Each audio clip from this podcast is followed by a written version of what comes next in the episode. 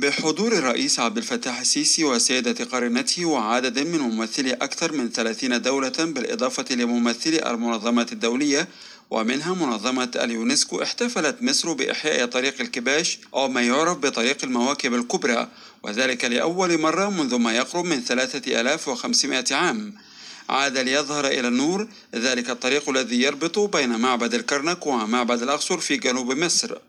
وقال وزير السياحة والآثار الدكتور خالد العناني في بداية الاحتفالية إن الطريق يضم 1057 تمثالا ما يجعل من مدينة الأقصر متحفا مفتوحا.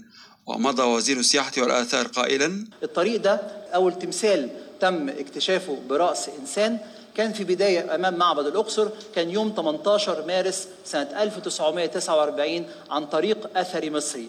ومن ساعتها ولمدة أكثر من 70 سنة والأثريين المصريين بيشتغلوا على هذا الطريق وبوجه لهم كل التحية. العمل الأثري لم ينتهي بل سيستمر وسيستمر سنوات عديدة. إحنا تم الكشف عن 250 تمثال برأس كبش و807 تمثال برأس إنسان.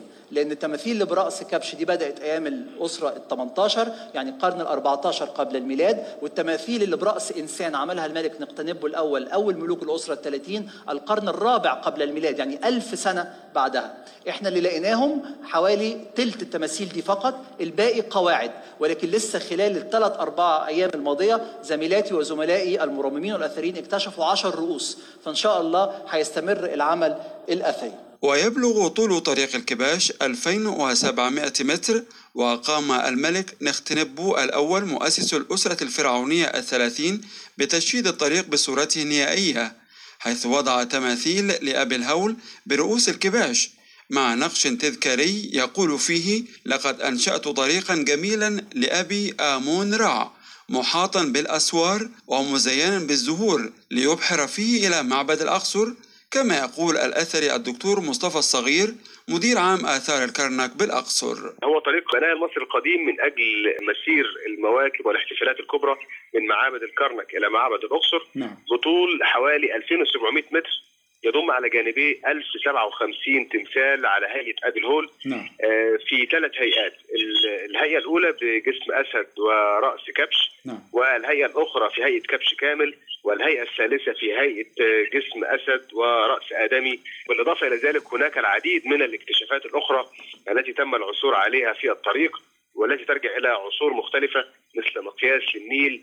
معاصر للنبيذ ومناطق صناعية لصناعة الفخار والتمائم والحلي نعم. دي كلها بتوضح نشاط الاقتصادي والاجتماعي والثقافي الخاص بأهل طيبة القديمة. منذ أقدم العصور حتى العصر اليوناني الروماني ويعود طريق الكباش إلى قبل أكثر من ثلاثة آلاف عام عندما شق ملوك مصر الفرعونية في طيبة الأقصر حاليا طريق الكباش لتسير فيه مواكبهم المقدسة خلال احتفالات أعياد الأوبت كل عام.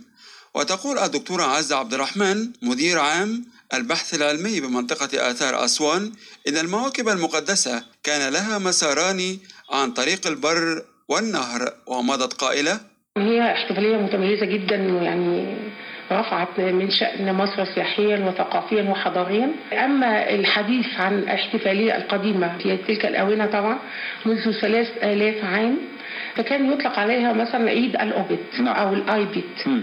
آه، هو انتقال الإله أمون من آه، معبد الكرنك إلى معبد الأقصر طبعا هي احتفال للآلهة أو طريق الآلهة. هي بدأت في الأسرة الثامنة عشر وطبعا كان الملك نختنبو أو نكتنبو هو اللي بدأ بعملية طريق الكباش أو شكل شكل الأسد برأس إنسان. الإحتفالية كانت بتتم قديما بوجود محفات موجود عليها تمثال الإله أمون. نعم. بيقوم الملك اللي موجود في الآونة دي. طبعا إحنا لازم قبل ما نتكلم على الاحتفالية هناك طريقين لاحتفال بعيد الأوبت طريق نهري وطريق بري. بري. بداية كان الطريق النهري. الأول كان المستخدم. آه. وبعدها بدأ نعمل طريق البري.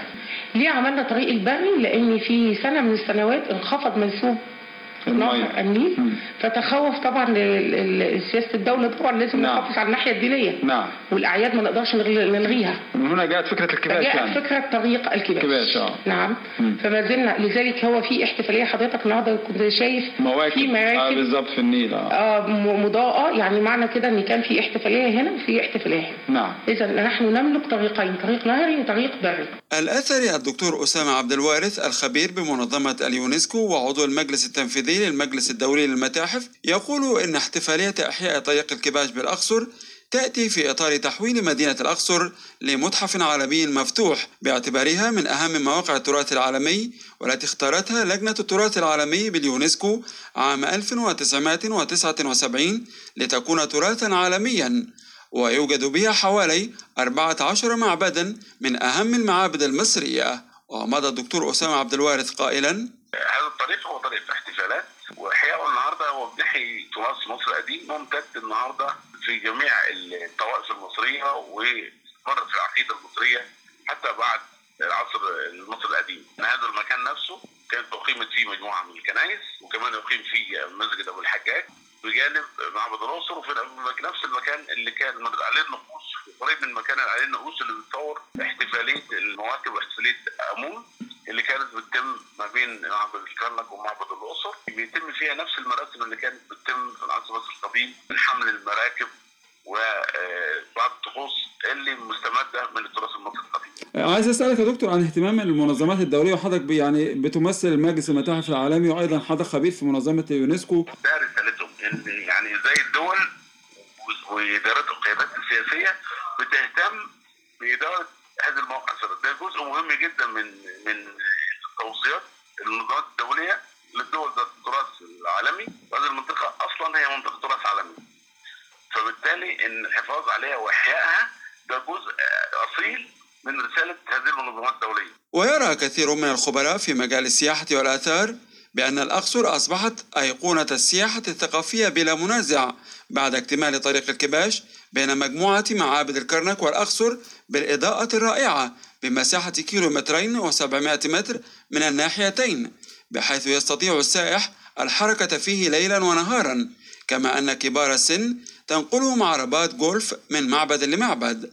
وفي مدينة الأقصر تجولنا بالسوق السياحي ورصدنا مردود احتفالية إحياء طريق الكباش على الحركة السياحية. محمد عثمان رئيس لجنة تسويق السياحة الثقافية.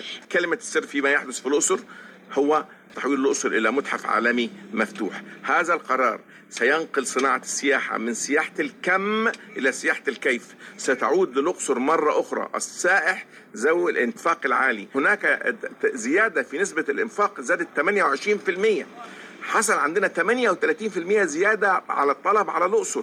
تم تغيير كل البرامج السياحية. الناس عايزة تيجي الأقصر بدل ما ياخد يومين بياخد ثلاثة وأربعة عشان يستمتع بهذا. وده القرار المهم جدا اللي هي فكرة العودة للإنفاق العالي. كبرى شركات الأزياء في العالم تقدمت بطلب رسمي لأن تكون أول مجموعاتها الشتوية أو أول عروض الفاشن شو بتاعتها هتكون في طريق الكباش. طريق الكباش هو أيقونة السياحة الثقافية بعد اكتشاف مقبرة توت عنخ آمون. طبعا الانطباع جميل والشغل رائع يعني. إحنا مبسوطين جدا من الحدث اللي بيحصل ده.